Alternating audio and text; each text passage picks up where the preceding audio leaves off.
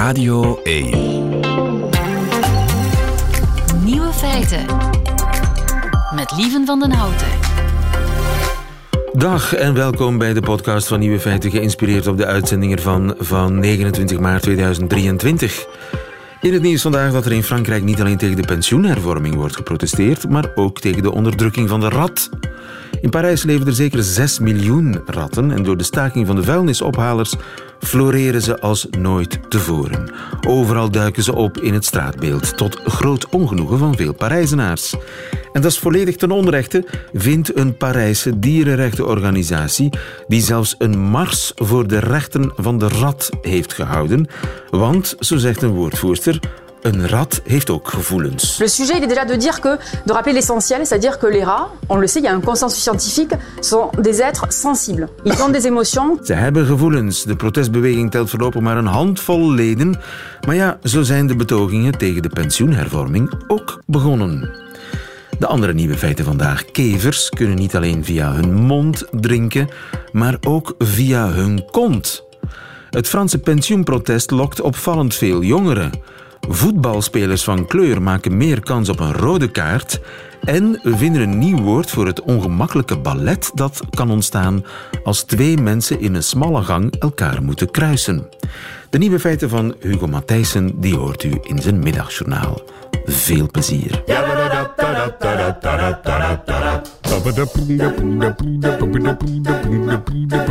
Nieuwe feiten. De pensioenprotesten in Frankrijk die lokken opvallend veel jongeren.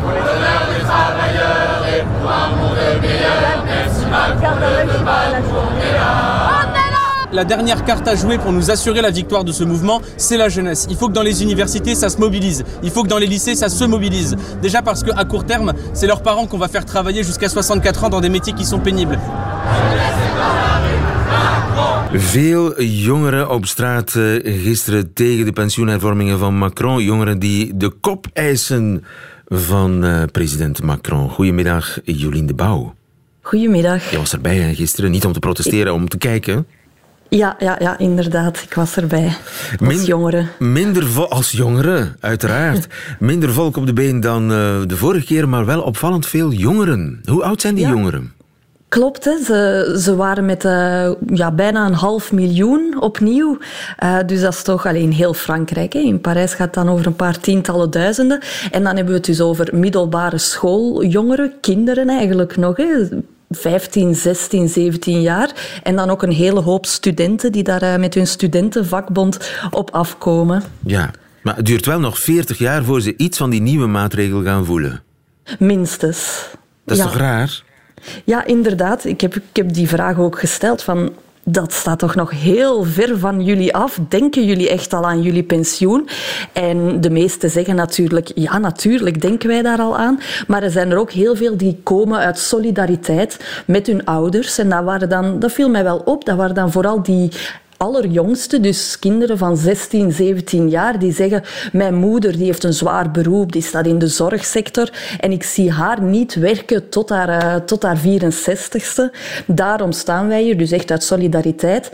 Anderen zeggen wel van: Kijk, ik, ik ga 43 jaar moeten werken, hè, want dat staat ook in, die, in heel die hervorming. Ehm, maar wij beginnen alsmaar later te werken, waardoor die pensioenleeftijd automatisch nog gaat opschuiven naar 67, wat dan nu de, de echte maximumleeftijd eh, wordt. Eh, en zij zeggen, ja, eigenlijk gaan wij nog veel langer moeten werken dan die 64 jaar. En er zijn zo nog wel wat redenen.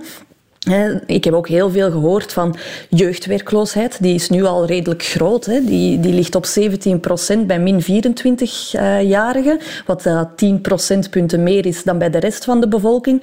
En dan zijn er jongeren die zeggen van... als die oudere mensen langer aan het werk moeten blijven, zijn er minder jobs voor ons. Dus die jeugdwerkloosheid gaat nog de hoogte in, inschieten. Wat dan wel tegengesproken wordt door experts. Maar, maar bon... Ehm, en er zijn nog tal van andere redenen die ik gehoord heb. Bijvoorbeeld ecologie. Het is een veel groter probleem, want heel het systeem is erop gericht om steeds langer en meer te werken.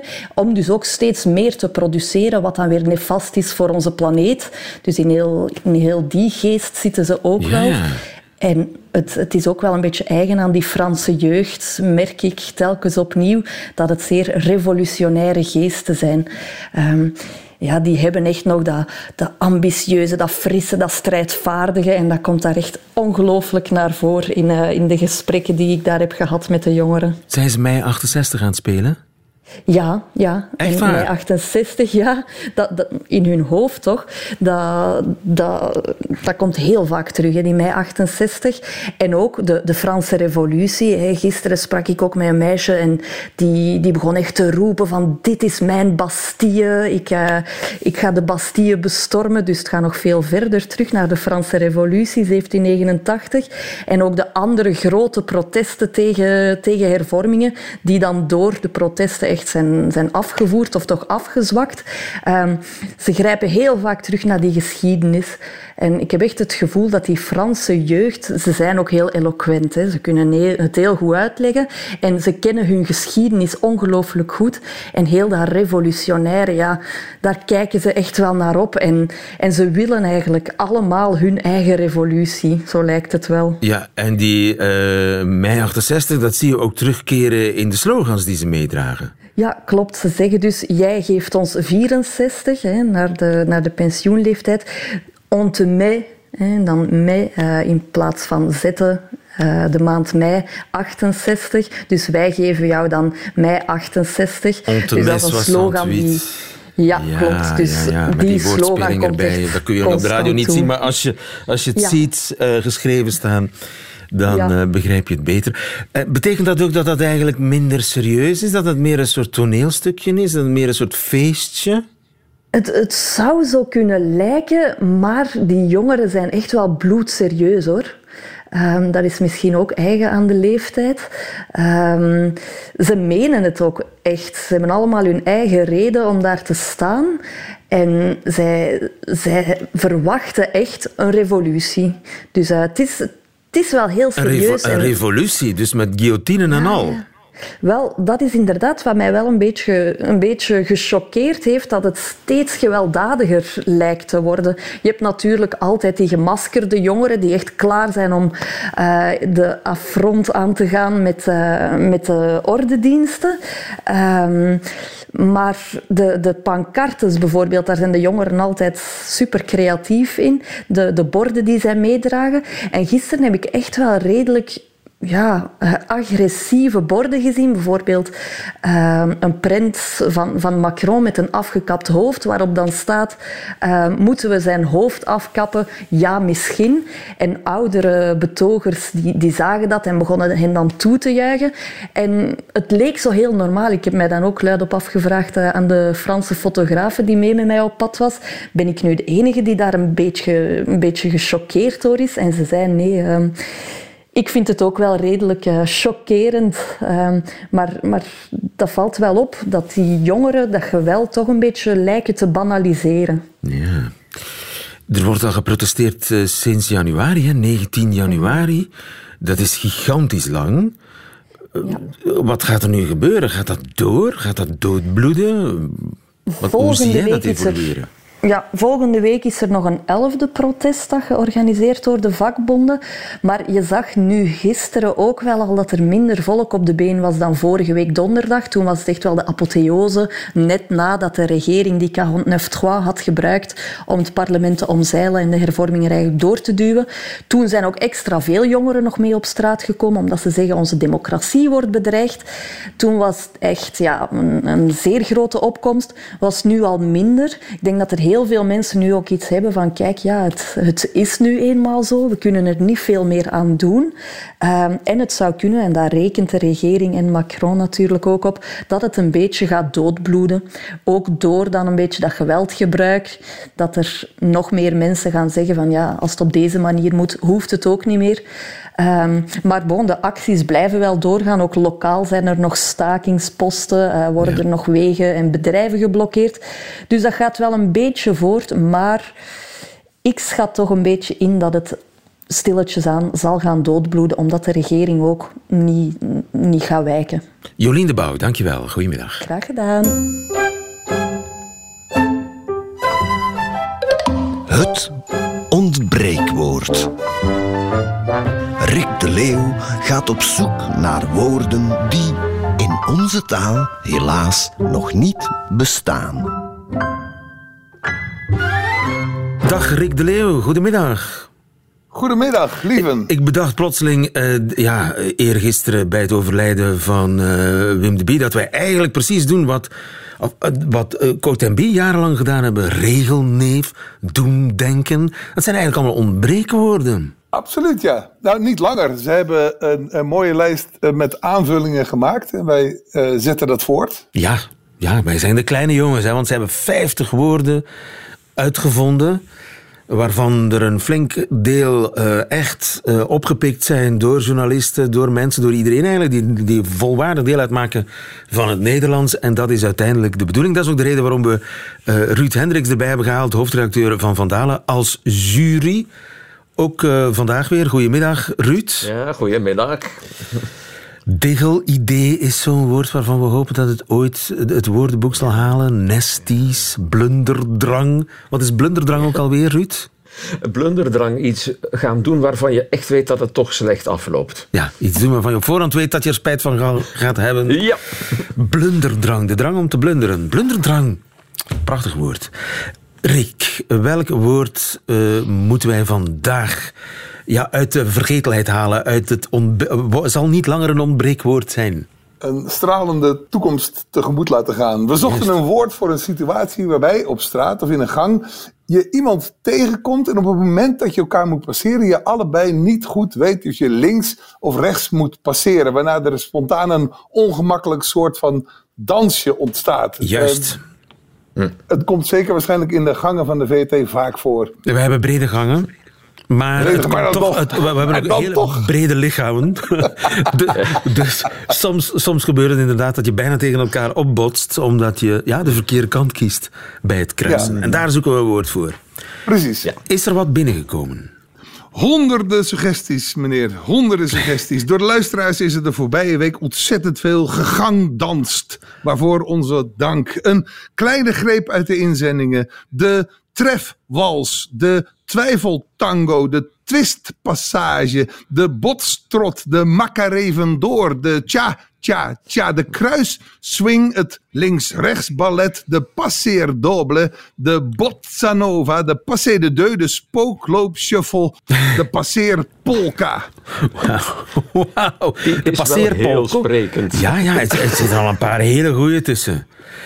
Heel absoluut, absoluut. Hey, hey, Overigens, uh, uh, Ruud, heb jij niet een paar gehoord waarvan je denkt, ja, dit, dit zou hem wel kunnen zijn? Want dit is nog maar de longlist. Ik, wel, ja, ik vind die passeerpolka zo passeerpolka, mooi. hè? Ja. Ja, dat is zoiets in. Dat is toch, ik, ik ben geen muzikant, maar dat is toch iets in, in de maat 2, hè? Een polka? Ja. Dat is ja, wat ja, ja, de passeerpolka. Ja. Zullen we hem toch achter de hand houden, de passeerpolka? Ja, misschien toch wel. Maar hoewel die officieel niet tot de top 7 behoort van nee, Rick. maar de jury mag alles. Oké. Okay ook nog een klein lichtje schijnen op de Macarevendoor. Die, die de Macarevendoor. Goed, hè? Ja. Alright. Enfin, een top 7. Uh, Claudia Nieuwenhuizen kwam met schijfelen. Schij ik snap hem niet. Schijfelen, twijfelen, ik, schuifelen? Schuifelen, schuifelen? Schuifelen en, en twijfelen. twijfelen. Maar, maar, ik vind dat een, een woord waarvan je eigenlijk denkt... het heeft altijd al bestaan. Een, ja, een, schijfela, een schijfelaar. Maar dat is niet zo volgens mij. Nee, nee, nee. Ja. Maar dat ja. is toch een van de voorwaarden van, van een... Ja, ja, ja, ja een woord dat al, lijkt, het lijkt alsof het woord al heel lang bestaat. Dus alles is een pre, dat is een voordeel. Ja. Maar het, je moet het wel uitleggen. Want ik denk niet spontaan aan de passeerpolka als ik uh, aan schijfelen denk. Dat is ook weer waar. Dat is ook weer waar. Ja, enfin, ja, ja. Uh, Sabrina Gegang, van der Velde. Gegangdan, je zei gegangdan, een gangdans vind ik eigenlijk ook al goed. Ja. Een gangdans. gegangdanst. Ja. Maar goed. Ja? We moeten het uh, niet te ingewikkeld maken. Nee, nee, het is al erg genoeg. Ja, het is al erg genoeg. Nummer Sabrina twee. van der Velde. Sabrina van der Velde kwam met een zigzagje. Ook altijd mooi. Niet slecht, een zigzagje. Nee, Ruud, wat vind je daarvan? Ja, niet mooi. En, en, en het, weet je, in, in dit geval denk ik dat je een woord moet hebben dat heel beeldend is. Ja. Hè? En, en dat zigzagje, dat zie je meteen voor je wat dat is. Je gaat van links naar rechts. Dus ja, dat is toch ook wel een Oei, we deden een zigzagje. Ha, ha, ha. Ja. Ja, ja, ja, nee, Ja. nee. Oké, nee, nee. Zie ze zigzaggen. Ja, zie ze zigzaggen. Ha, ha, ha. Oké, Haha. Carlo Habets komt met Passagienne. ook niet slecht. Ook Passagier. niet slecht. Maar ja, maar het is, het is ook niet heel, heel doorzichtig, hè? Zo van, wat, wat zit daarin? Dat zit zo'n beetje, het is een gênante situatie, dat zit er wel in. Ja. Een passagier. Maar je kunt Ja. ook, ja, als je, als je iemand tegenkomt eh, die je absoluut niet kunt uitstaan, dan heb je misschien ook last van passagier. Passa. Wat doe je dan? Oh ja, doe je dan vriendelijk? Kijk je de andere kant op? Kijk je als een donderwolk? Zeg je vriendelijke Ja, dag? ja. De passagier is de chicere versie van het zigzagje. Juist. Baronnen doen aan passagier. Ja, baronnen baronessen hebben een ook. passagier. Oké, Je ziet het ook meer op een, op een luxe cruise juist. rond Ja. 1900. Ja, Ja. ja, het is heel Ja. duur, passagiers. Ja, ja. Onbetaalbaar geworden.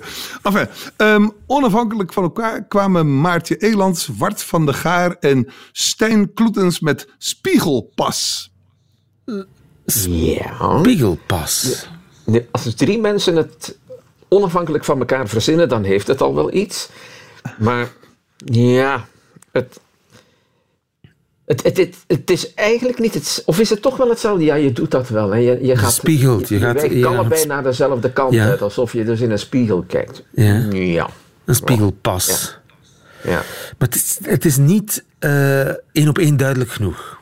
Een spiegelpas, het, een, een pas om te spiegelen. Een pas is, is ook een, een paspoort, hè? Dat is Een beetje, Ja, dat is het ook al. eigenlijk. Ja.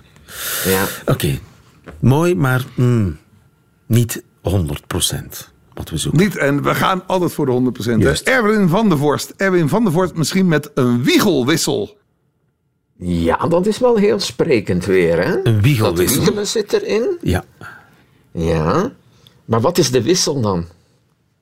Oh ja. Je wil elke oversteken, keer van, de, van kant wisselt. ja, Je wil van kant Ja. wisselen. Het is een beetje Ja. een olie bij bommel woord. ja, ja, ja, Ja. ja. ja. Ja. Oké, mooi, Erwin. Met, met, een, met een sprankje Wim de Bie op de achtergrond. Wiegelwissel. Een wiegelwissel. Ja, ja. Een wiegelwissel. Ja. Chris Verduikt komt met een pinguïnpassage. dat vind ik zeer beeldend. ja, dat, Doe je ogen Ja, dicht, dat is een inderdaad ook zo. lopen. Omdat hij Ja, van links naar rechts gaat, hè? Een ja, ja, je, ziet dat heel mooi zo van die pinguïn die zo van link, op zijn linker en zijn rechterpoot de hele tijd zit te Ook wie- niet wiebelen. slecht. Eh, Prachtig, Ja, pinguïnpassage. ja, en, en ook weer mooi met dat, met dat ehm, zo'n soort alliteratie midden in het woord, hè, die PP. Ja, Ja, zoals de passeerpolka, hè? Ja. inderdaad. Dat blijft tot de maat aller dingen, hè, de passeerpolka. Ja. En tot slot de zevende inzending. Jessie de Greef met Kruisdans. Kruisdans. Dat vind ik ook niet slecht. In alle, we, we gaan op zoek naar een iets eenvoudigs. Hè? Dan is een kruisdans Ja. wel eh, Ja, een kanshebber. misschien een beetje te ruim. Hè? Omdat in welke betekenis gaat het hier over een kruis? Hè? Dus, Een welk kruis, hè? Elkaar Jeetje, kruisen, ja, ik zie de dans oké, helemaal anders voor Ja, mijn geest ja. zo. Ja. Er kan wat eh, afgedanst worden met eh, diverse kruisen. Nee, nee, nee, Ja. nee, nee, nee. Jessie, Jessie, sorry, maar eh, het, het leek even een prachtig idee, die kruisdans, maar... eh, hmm. ja. Goed, eh, we hebben een, ja, een, met, met passeerpolka erbij hebben we een top 8. Dus de keuze Ja. is ruim. Ja. Is het een moeilijke beslissing, jury? Wel, ik, zoals ik zei, ik ben op zoek naar een woord dat heel beeldend is. Dus het gaat voor mij over de pinguïnpassage of de passeerpolka, want dat klinkt ook zo mooi. En Dus het zigzagje doet niet mee in deze top. ook al Ja, het ja, nog Ruud, ja. moeilijker. Zigzagje, passeerpolka of pingwingpassage? Ik bedoel, Ja, alle drie... Ik kan de knoop doorhakken. Jij, jij hakt de knoop door, hè? Ja. We maken het spannend. Als ik een trommel had, zou ik ermee roffelen. Ruud Hendricks, zeg het. We gaan voor zigzagje. Wow! Dat was eh, in de eindsprint een zigzagje. haalt het. We hebben hem. Eh, het is Sabrina van der Velde die eh, even buiten de wedstrijd leek te vallen, maar dan plotseling als eerste over de meet ging met dank aan Ruud Hendricks. Een zigzagje, zo noemen we voortaan. Ja, dat rare ballet dat ontstaat wanneer je de verkeerde kant kiest bij het kruisen in de gang, bijvoorbeeld. Ja. Rick, wie een passeerpolka wil uitvoeren, die is ook altijd... Die mag, maar wij gaan voor het zigzagje. Goed. het heeft meer kans om, om, een gewoon woord te worden. Denk het ook, een zigzagje. Ja. We dragen hem op aan uh, Wim de Bie. Absoluut. In alle bescheidenheid. Ja. We gaan op zoek naar een nieuw woord. Waar zoeken we naar? We gaan op zoek naar een woord voor een situatie die soms behoorlijk gênant kan zijn. Terwijl je eigenlijk geen reden hebt om je ergens voor te schamen. We gaan op zoek naar een woord voor de geur van een ander waar jij verantwoordelijk voor wordt gehouden. Ah. Snap je wat ik bedoel? Of ik, snap 100% wat jij bedoelt. Bijvoorbeeld, je, je stapt in een lift en je denkt: jeetje, wat een cafélucht hangt hier. Alcohol, rook, slecht gewassen kleren. Boef, en een seconde later stapt er iemand bij in die lift. Juist, en, en, en, dan, ja, wat zeg je dan? Het stinkt hier, maar het is niet van mij. Ja. het, het, het, het kan nog erger zijn dat? Het kan nog erger uh, uh, als, um, als artiest op kleinere festivals word je wel eens genoodzaakt om hetzelfde toilet te gebruiken als het publiek gebruikt. En dan uh, stap je zo'n zo'n Dixie-ding binnen en je denkt, oh wat een puinhoop hier. En daarna realiseer je dat als je uitstapt, jij degene bent die dat achterlaat. Dus de volgende ziet dan opeens de artiest uit zo'n bak komen. En denkt dan waarschijnlijk, ah, wat een gore gast is dat. Dus soms zie, je, zie ik mezelf terug, zo'n toilet schoonmaken. Oh ja. Een kwartier voor aanvang van het optreden. Omdat ik niet met die indruk achtergelaten op het podium wil eh, stappen. Stel je voor zeg, dat je in het dorp de ronde doet als smeerlap. Wat een smeerpoes is die Rick de Leeuw, zeg. Jeetje. Ging je naar de wc? Raad eens wie uit het toilet kwam. Enzovoort. Oh nee, ik zie het zo voor mij. Rick, het is verschrikkelijk. Precies. Prinsesjes en rocksterren doen dat niet. Nee. Dus we zoeken op een woord dat je dan kunt gebruiken. Het is, hier hangt een um geur. Aha. De geur van een ander. Het zou ons allemaal helpen. Reageer via de app of via nieuwefeiten.radio1.be. En we tillen hem over de paasvakantie heen. Dus we hebben nog wel even, u heeft wel even de tijd om uw creativiteit te laten rollen en uw brein te laten stormen. De geur van een ander waar jij voor verantwoordelijk wordt geacht. Nieuwe feiten uit radio1.be. Dank. Dankjewel heren, Rick de Leeuw en Ruud Hendricks. Nieuwe feiten.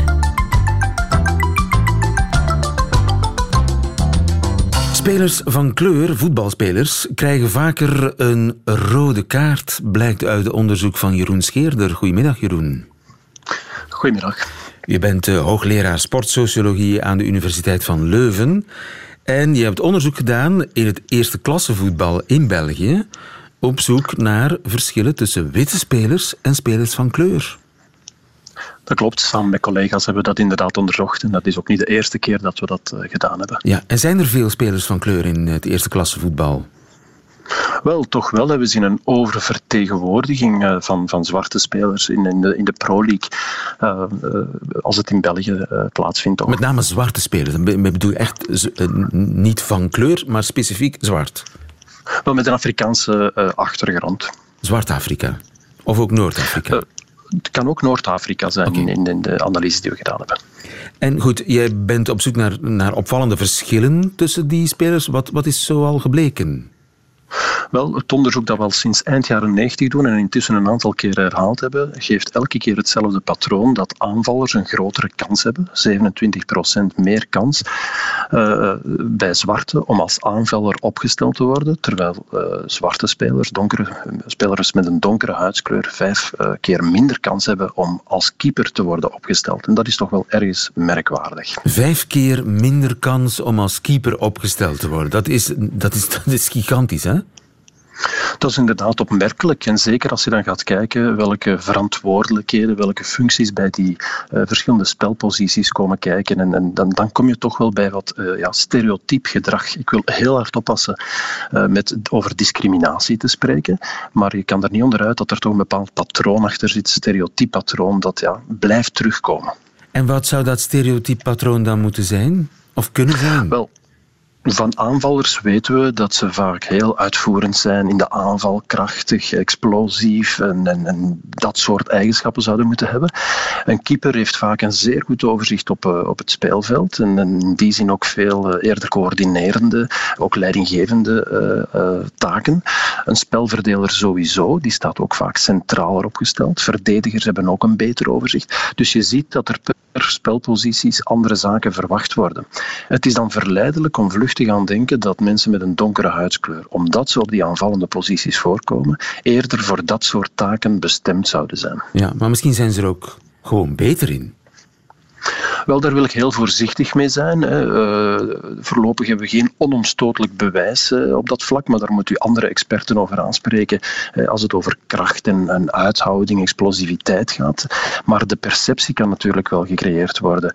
Wat ik veel erger vind, is dat ja, we komen weinig keepers, niet alleen keepers tegen met een donkere huidskleur, maar ook leidinggevenden, een, keep, een, een kapitein liever, die over de coördinerende verantwoordelijkheid beschikt. En zeker als je dan verder gaat kijken dan wat er op het veld gebeurt, maar ook naast het veld, als trainer of in de bestuurskamer of als arbiter, dan kom je nauwelijks mensen van kleur tegen. Ja, en dan wordt het wel heel verleidelijk om over stereotypering te praten.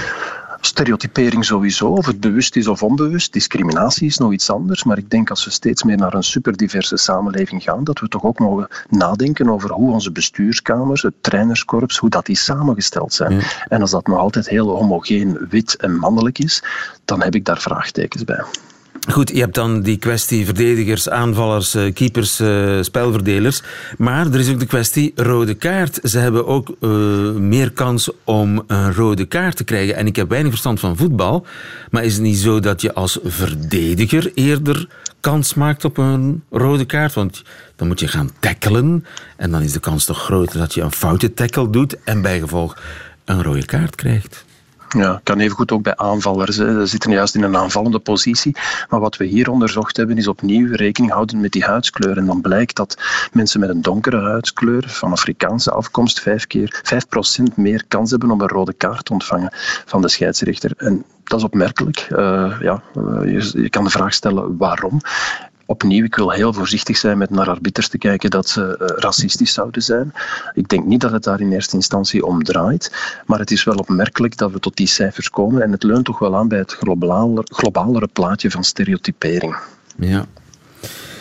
Stof tot nadenken en uh, ja, hopelijk komen we er ooit achter hoe dat echt zit. Eh, dat, maar ook vooral zien dat voetbal ook kansen biedt. Hè. Ik denk voetbal is een van de weinige sporten waar we meerdere uh, bevolkingsgroepen tegenkomen. Het is een van de meest gedemocratiseerde sporten ook. En juist een sport waar we ja, weliswaar een oververtegenwoordiging tegenkomen van mensen met een donkere huidskleur, dat zou toch tot kansen moeten leiden voor integratie. Alleen als je met een zware oververtegenwoordiging zit, kan dat ook tot foute percepties leiden. En zien we het nog niet vertaald naar ook andere functies en taken. En, en, en dat zou mogen veranderen. Dat zou inderdaad mogen veranderen. Jeroen Scheerder van de Universiteit van Leuven. Dankjewel. Goedemiddag verder. Met plezier.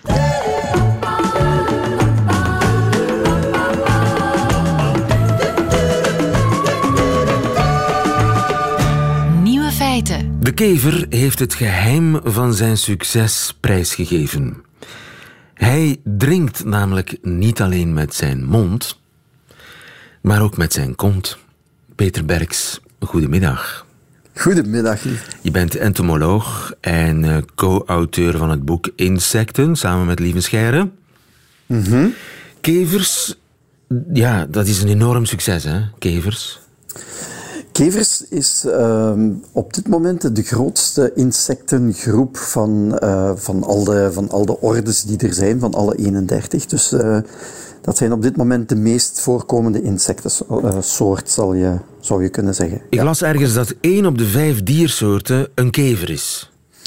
Ja, goed. Er is nu uh, de laatste tijd wel wat discussie over, maar als je gaat tellen zo tot op dit moment, ja, inderdaad. Zou dat wel kunnen zijn. Klopt. En Ze zijn zo succesvol dat ze stilaan een gevaar zijn voor de voedselzekerheid in bepaalde landen. Eh, sommige soorten, ja. En, maar dat geldt ook voor ons, want die soorten zitten ook bij ons. Hè. Het gaat dan voornamelijk over eh, meeltorren, meelkevers. Meel? En dat zijn de, de soorten die bij ons ja, in graan, in bloem, in alle eh, opgeslagen producten, hè. in het Engels heet dat stored products, dat die, die zitten daarin. Ze eten ons eten op. Ja, dat klopt. En nu is een van de redenen gevonden van hun succes, tenminste van bepaalde soorten kevers, ook van die meeltorren. Ja. Ze drinken met hun kont. Ze drinken met hun kont, ja, gek hè. Maar insecten kunnen allerlei gekke dingen hoor. Maar dit is, eh, dit is natuurlijk wel heel speciaal. Maar het, het grappige is, eh, ze zullen, waarschijnlijk zullen die alle kevers dat doen, maar ze hebben wel een bepaald mechanisme waardoor die soorten dat zo als extraatje nog kunnen gebruiken. En werkt dat met een pompje? Uh, nee, het werkt eigenlijk met een buizensysteem. Uh, het, zit, het zit eigenlijk zo. Ja. Um, ja, bij ons, oké, okay, je hebt uh, de darmen, daar passeert je voedsel door en dat komt langs het rectum, langs de aars, naar buiten. Dat is bij de meeste dieren zo. Ja. En uh, ook de hogere dieren, wij dan, we hebben ook nieren. Die zorgen er eigenlijk voor dat de schadelijke stoffen uit je bloed worden genomen en dan ook via de urine uh, worden verwijderd. Nu, bij insecten zitten die twee dingen samen. Dat wil zeggen, ze komen langs hetzelfde opening naar buiten. Dus uh, wij hebben een aparte opening voor uitwerpselen, een aparte opening voor urine en dan nog eens een aparte opening voor geslachtelijke daden, zoals je dat kan zeggen. Maar bij insecten is dat allemaal E-gat, multifunctioneel gat. En um, wat krijg je nu? Je krijgt voedsel dat passeert de darm, dat, gaat in het, in het, dat komt in het rectum. En, daar wordt, en tegelijkertijd zitten er ook wat ze noemen de buisjes van Malpighi in dat lichaam. En dat is eigenlijk de equivalent van onze nieren. En is het zo dat het laatste vocht dan uit die uitwerpsel nog eens wordt getrokken om daar nog ja. gebruik van te maken? Klopt, maar dat is dan met kevers. Dus bij de meesten wordt er al een deel van die dingen, wordt er al een deel van die dingen weggenomen. Maar kevers hebben daar een structuur ontwikkeld, wat, zij noemen, wat men noemt het rectaal uh, systeem of rectaal complex. En dat wil zeggen dat die nierbuisjes, die tubes van Malpighi, niet gewoon zo uitkomen in de darm, maar dat die eigenlijk daar rond gedraaid worden. Waardoor uh, die in staat stellen om nog meer vocht uit de uitwerpsel te trekken, waardoor die nog droger worden. Maar trekken ze ook vocht uit de lucht? Wel, dus wat is er nu het geval? Dus alle kevers hebben blijkbaar dat rectale complex, waardoor ze die, dat vocht uit die darmen kunnen trekken. Maar nu die groep, de zwartlijven, waartoe dus ook de meeltor en dan Tribolium castaneum, dat is dat kleine bruine kevertje, dat is ook verwant met die meeltorren. Die, die zijn daar zo efficiënt in geworden dat wanneer zij eigenlijk dat ze datzelfde systeem, wanneer er geen uitwerpselen in de darm zitten, dat ze gewoon ook het vocht uit de lucht kunnen opnemen. En het werkt eigenlijk als volgt. Die eh, buizen van Malpighi, daar zitten dus zouten in. En eigenlijk die sterke zout- of zoutenstroom passeert langs de darm, rond de darm. En door osmotische druk, dan krijg je water gaat altijd van uh, lage zoutconcentratie naar hoge zoutconcentratie gaan als er een membraan tussen zit. En dat heb je met die cel, celmembranen. Dus dan gaat het water met een lage concentratie uit de darmen, die gaat passeren naar de buisjes van Malpighi waar hoge concentraties in zitten. En die kunnen dus echt heel, heel dat water eruit trekken. Wat hen in staat stelt om in een heel droge omgeving te, uh, te leven. En dat is meel en graan. Dat wordt door ons heel droog gehouden, want anders begint dat te schimmelen. Ja, en als er dan, uh, en als er dan geen uitwerpselen in die dingen zitten en het is heel droog, dan slagen zij er zelfs in om het, om het vocht uit de lucht te laten trekken. Wow. Dat, dat is fantastisch gewoon. En kun je dat, dat zien aan die kever als hij daarmee bezig is? Nee, nee dat is eigenlijk een passief complex. Hè. Daar zitten geen pompen of iets dergelijks aan. Ja. Dat is eigenlijk... Weet je, het, het komt er eigenlijk op neer... Op, het, is, het is hetzelfde als dat je nu een hoop zout zou leggen op een bord en je zet dat in een, in een omgeving waar de lucht heel vochtig van is, na een tijd zie je dat er rond dat zout zich een beetje vocht begint te, af te zetten. Juist. Dat is het zout, doet dat ook. Dat is hygroscopisch noemen ze dat. Hè. Dus door die hoge zoutconcentratie gaat de, de natuur gaat proberen dat wat te milderen en dat gaat, dat gaat zich wat vocht afzetten. Eigenlijk is het is ongeveer hetzelfde, hè, maar daar, daar, kan je het op, eh, daar kan je het eigenlijk een beetje mee vergelijken. Dus daar is, daar is, dat is een heel passief systeem. Daar komt niks aan te passen. Dus er zijn twee ingangen waarmee dat soort eh, vocht opneemt. En dat is een van de redenen van zijn succes. Ja, absoluut. Dus niet alleen langs de mond, maar ook langs zijn kont. Peter Berks, dankjewel. Goedemiddag. Graag gedaan. Nieuwe feiten. Radio 1. Et voilà, dat waren ze, de nieuwe feiten van 29 maart 2023. Alleen nog die van Hugo Matthijssen. Die krijgt u nu in zijn middagjournaal. Nieuwe feiten. Middagjournaal.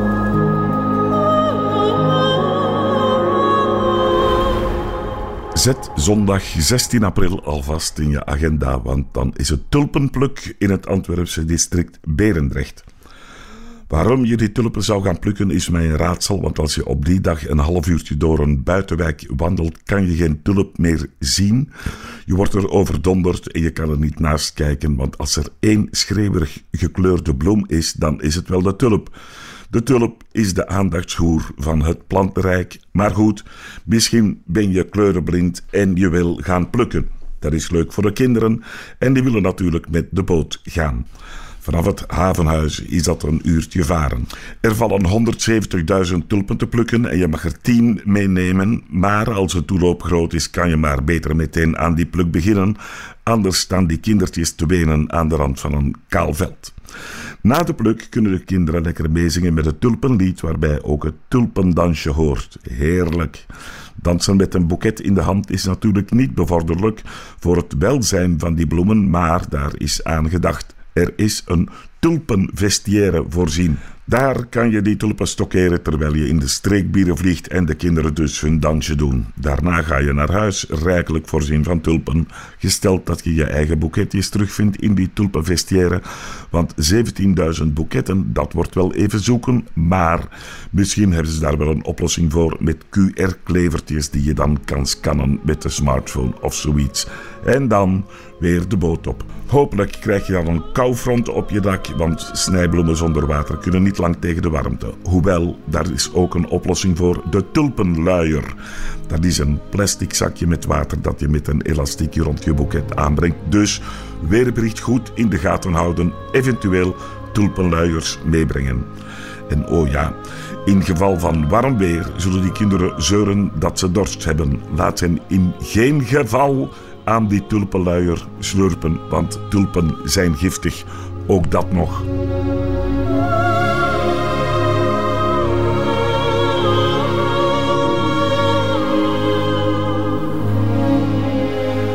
Ja, kindervriend, mensenvriend, dierenvriend, maar bepaald geen tulpenvriend, die Hugo Matthijssen. Einde van deze podcast hoort u liever de volledige uitzending van Nieuwe Feiten. Dat wil zeggen met de muziek erbij.